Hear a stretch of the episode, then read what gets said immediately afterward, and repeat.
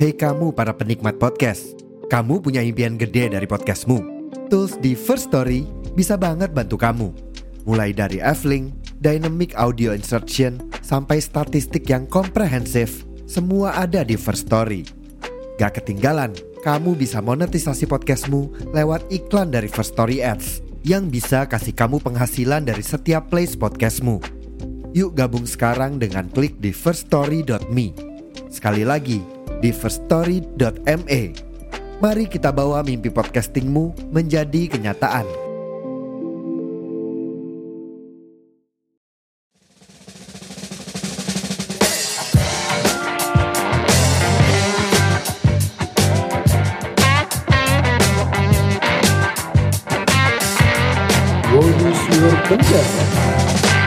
Oke, halo selamat malam semuanya kembali lagi di podcast Roadcast bersama saya Rocim di sini.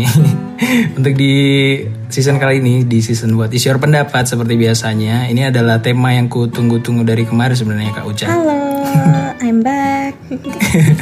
Terima kasih ya Kak Uca udah ngobrol lagi. Kebetulan banget nih, aku juga lagi cari narsum soal tema ini sebenarnya dan ketemu Kak Uca. Iya random ya kita ketemunya. Iya, eh, ah kebetulan sekali Aji mumpung banget ini. Oke, Kak Uca ini udah nikah eh, baru nikah ya Kak? ya? Baru ini bulan ke-6 ya kalau nggak salah. Oh baru setengah tahun ya? Wah pas banget ini, pas banget. Jadi buat kali ini teman-teman, buat para pendengar, eh, aku tuh juga kepo sebenarnya gimana sih kehidupan setelah menikah, apalagi nikah muda gitu kan kan eh, egonya anak muda tuh bisa dibilang kan masih agak apa ya agak bandel, agak apa agak ego banget lah ya kayaknya. Terus kita tuh harus menyatukan dua kepala jadi satu kan ya. Jadi itu tuh pasti transisi yang bisa dibilang agak agak berat atau agak sulit gak sih? Hmm, ya semua harus dibawa sabar. itu asli itu jangan semua orang tua yang aku Iya tanya iya iya. eh, bilangnya kalau menikah itu ya harus sabar. Harus sabar pasti. Paling penting gitu sih, sabar sama komunikasi udah dua itu. Waduh iya komunikasi penting banget. Oke kak, jadi aku mau nanya dulu nih pranikah nih karena aku kan Yap. belum nikah ya dan ya semoga aja bisa cepat bisa menyusul kak Uca juga. Amin. jadi kalau sebelum pranikah itu tuh yang harus kita pikirin apa aja sih selain KPR ya? Hmm, wah hebat banget ya Roci masih muda udah mikirin KPR. hebat hebat. Berat.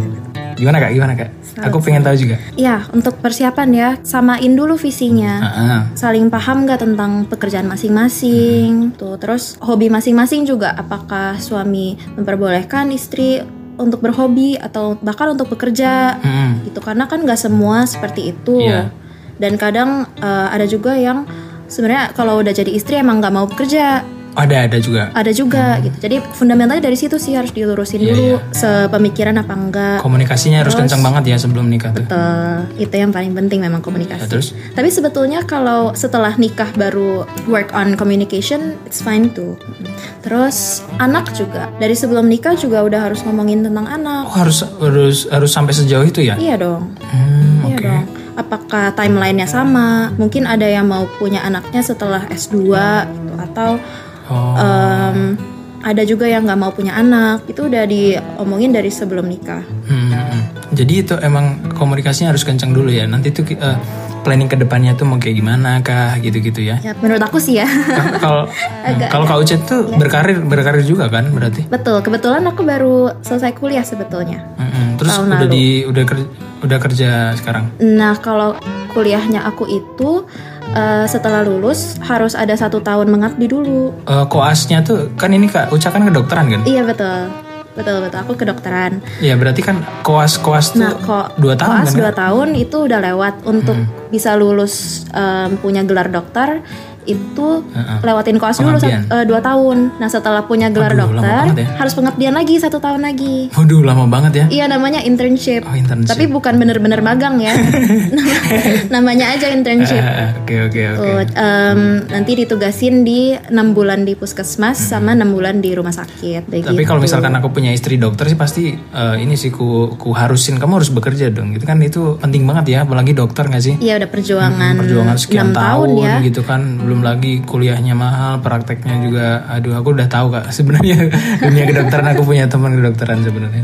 Jadi aku udah tahu gimana ya. Hmm. Iya memang cukup berat tapi dinikmati saja. Oke Oke, jadi kita harus komunikasinya yang kencang. Terus kalau misalkan soal kerjaan itu tuh em, jadi problem nggak sih? Eh, biasanya kalau di awal eh, si yang perempuan tuh biasanya harus lebih kalau misalkan cowok kan biasanya agak gengsi ya kak terutama aku misalkan si ceweknya penghasilan lebih banyak tuh kita malah ngerasa kayak nggak enak gitu nah kalau dari segi kak Ocha sendiri tuh gimana Eh, ya kebetulan dokter internship itu gajinya di bawah UMR ya. Jadi jadi itu untuk soal itu nggak nggak problem ya timpang gaji nggak masalah sebetulnya kalau saat ini ya. Saat Iya. ini dan kebetulan suami juga dokter. oh gitu Malah Ih, pas senior. banget ini pas banget ini Iya, jadi udah saling paham. Eh, Halo, salam kenal suaminya Kak Uca. aku pakai headphone sih dia nggak denger nanti em, iya. aku kasih denger podcastnya Rachel aja ya gimana Oke. Nah, terus terus terus. apa ya tadi bahas apa ya jadi lupa Soal gaji, tumpang tindih gaji. Oh iya, jadi ya nggak jadi masalah sih dan itu dia balik lagi kan ke komunikasi. Udah kita bahas juga kalau ada yang lebih besar ya berarti alhamdulillah. Cuman kita berdua sebagai kita udah bisa dibilang sandwich generation belum ya? Belum ya, belum punya anak. belum belum belum. belum. Em, tapi sebagai generasi kita sekarang, tadi kalau ngomong-ngomong KPR ya, nggak akan Iya, iya. sanggup KPR kalau cuman satu orang aja yang berpenghasilan. Oh, berarti harus dua-dua ya. Harus dua-duanya sih. Nyicil bareng, nyicil bareng ya. kalau nggak dua-duanya bekerja bisa berapa puluh tahun baru tercapai. Iya, iya bener sih. Apalagi, Apalagi rumah Jakarta. juga lumayan loh.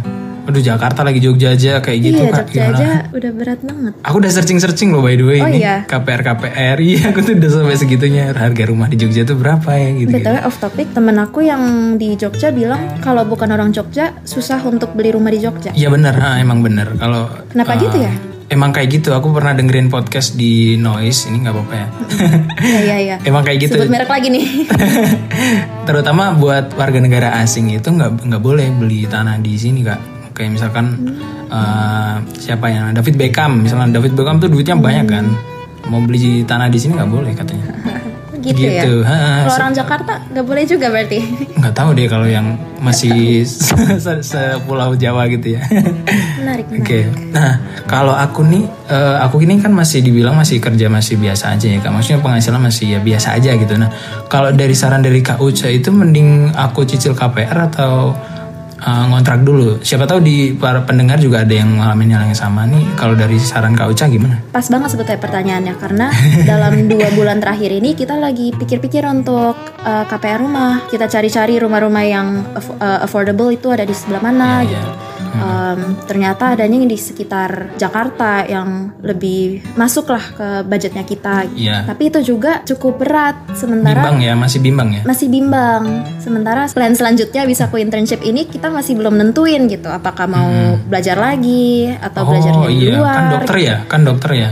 Jadi Iya. itu masih kuliahnya panjang banget ya. Iya. itu. Masih panjang, sangat panjang. kalau buat sekarang berarti masih ngontrak apa gimana kak? Sekarang kebetulan alhamdulillah eh, ada rumah dua keluarga kita Hmm, Wih, bisa gitu. Alhamdulillah. alhamdulillah.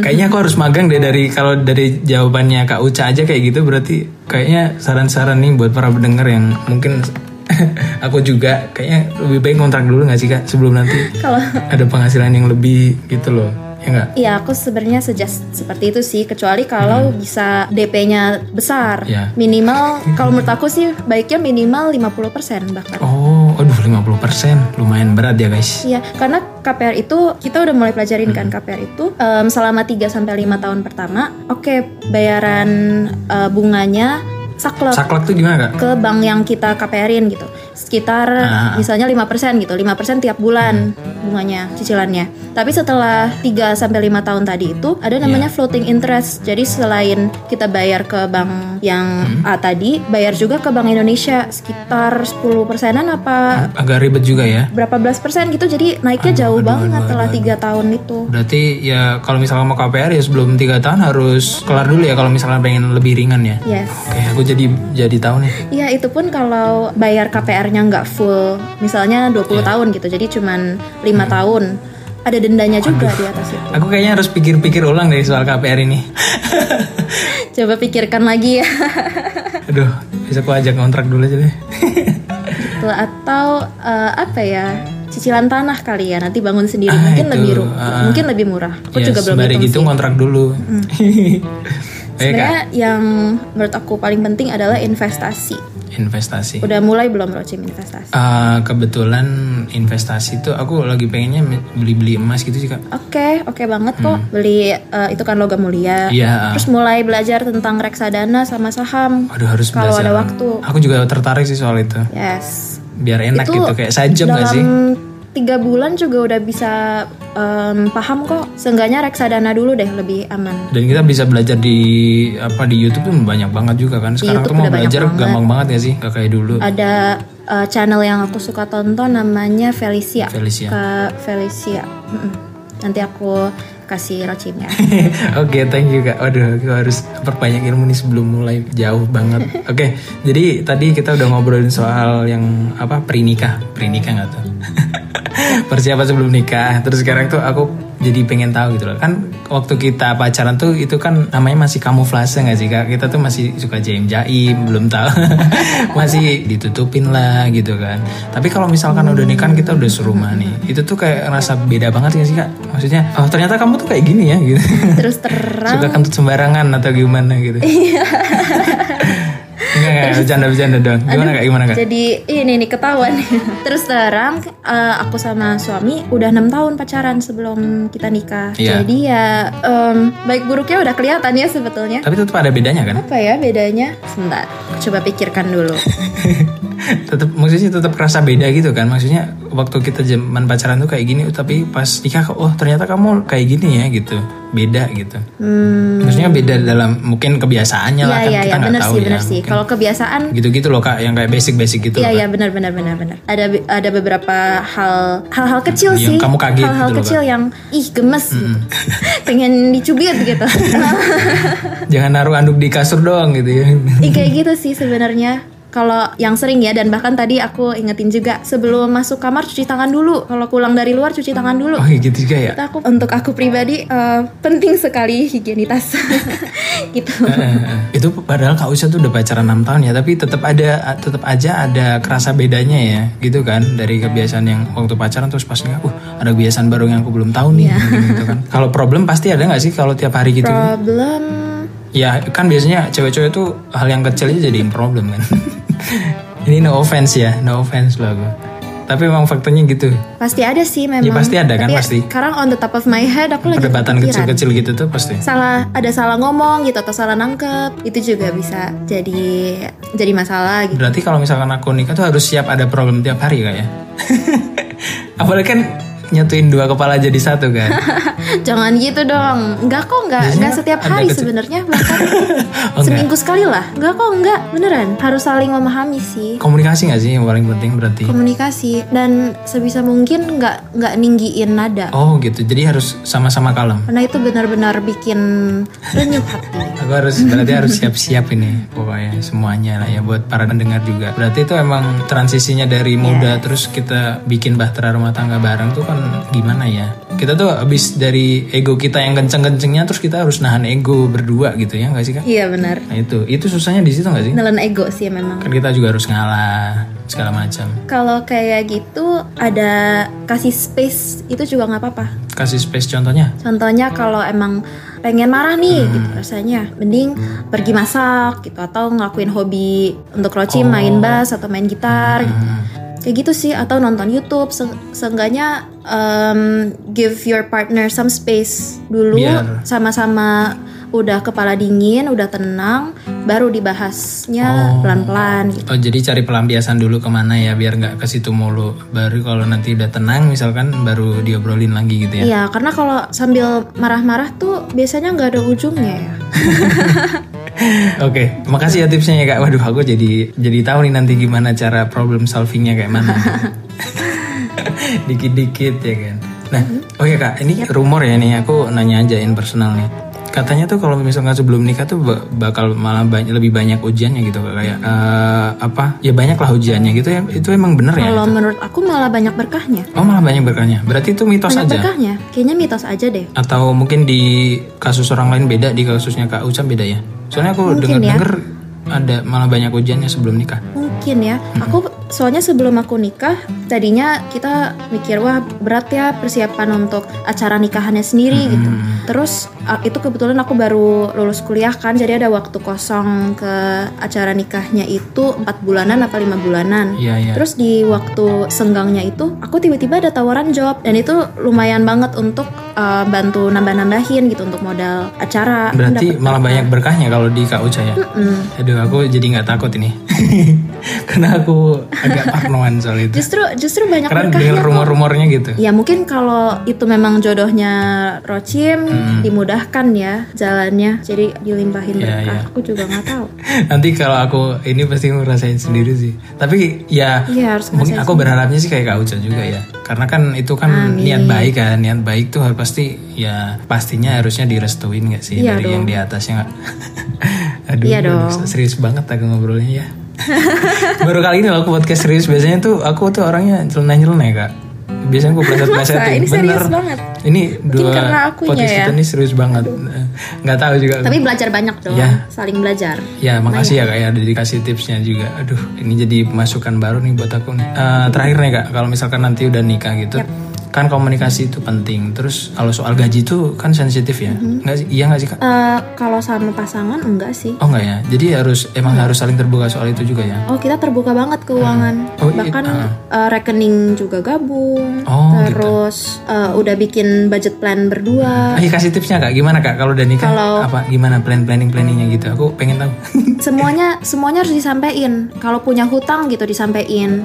Jadi eh, rencananya gimana? Apa yang punya hutang itu dia bayar sendiri atau mau berdua gitu eh, untuk nutupin hutang dulu. Terus apakah mau pakai asuransi kesehatan atau asuransi yang lain-lain? Gitu. Itu juga dibahas. Terus untuk budgeting ya duduk berdua untuk ngebahas apa aja sih kira-kira pengeluaran em, yang penting gitu Aduh diskusiable sekali ya harusnya ya. penuh sama diskusi sih nikahan itu Hmm. Wadaw. mungkin yang bedanya itu ya penuh diskusi Soalnya kan memba- membangunnya berdua ya membangun berdua ya. Jadi ya harus diatur berdua juga. iya bebannya nggak semua di tulang punggung keluarga kok Oh gitu, kirain tuh kayak semua bebannya harus di si cowoknya gitu.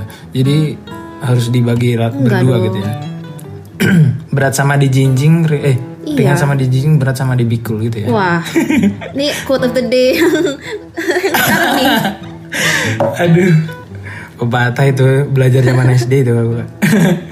Oh iya kak, aku mau ngobrolin soal ini. Ya. Aku mau tanya soal stunting stunting itu kan aku nggak ngerti ya kak. Dan kebetulan kan Tiba-tiba stunting. kak Uca nih, kak Uca nih dokter kan. Jadi aku Oke. pengen tahu. Nah stunting itu gimana? Terus cara kita mengatasi itu gimana? Apakah si cewek ini tuh harus diusia 20 tahun ke atas atau Mhm. waktu dalam kandungan tuh kita harus ngelakuin apa biar nggak stunting atau cara ngedidik kita itu bisa mempengaruhi biar nggak stunting atau gimana sih kak? Aku awam banget soal ini. Oke, eh, ini awam banget nih stuntingnya sendiri Iya, aku awam banget. nggak nggak tahu stunting itu apa. tahu kayak eh, dia jadi lambat buat bertumbuh gitu gak sih? Oke, kalau yang ini ya definisinya Iya, iya. ya. Gimana, Kak? Stunting itu dimana tinggi badan anak tersebut lebih pendek di- dibandingin Seusianya. teman-temannya yang seusianya dan itu biasanya karena eh, gizinya kurang gizinya kurang di waktu yang em, lama atau kronis gitu jangka yang lama Berarti bukan di dalam kandungan atau Usia karena si usia pasangan kita lebih muda gitu apa gimana? Kak? nah gizi kurang itu dipicu dimulai dari masa kehamilan Oh,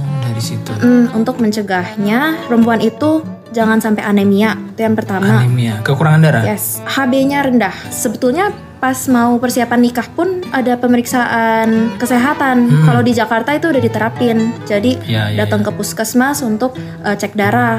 Itu Ya, ya. ada. Kalau di puskesmas yang luar Jakarta setahu aku belum ada, tapi bisa datang sendiri langsung ke puskesmas. Maksudnya bukan belum ada ya, tapi belum diwajibin sama pemerintah. Hmm. Belum diwajibin. Mm, untuk persiapan nikah tuh. Ah. Jadi baiknya Rochim nanti sama pasangan periksa kesehatan dulu. Itu bisa kok datang Ya, cek ke itu dulu ya. puskesmas bawa kertas em, dari RT gitu pengantar RT.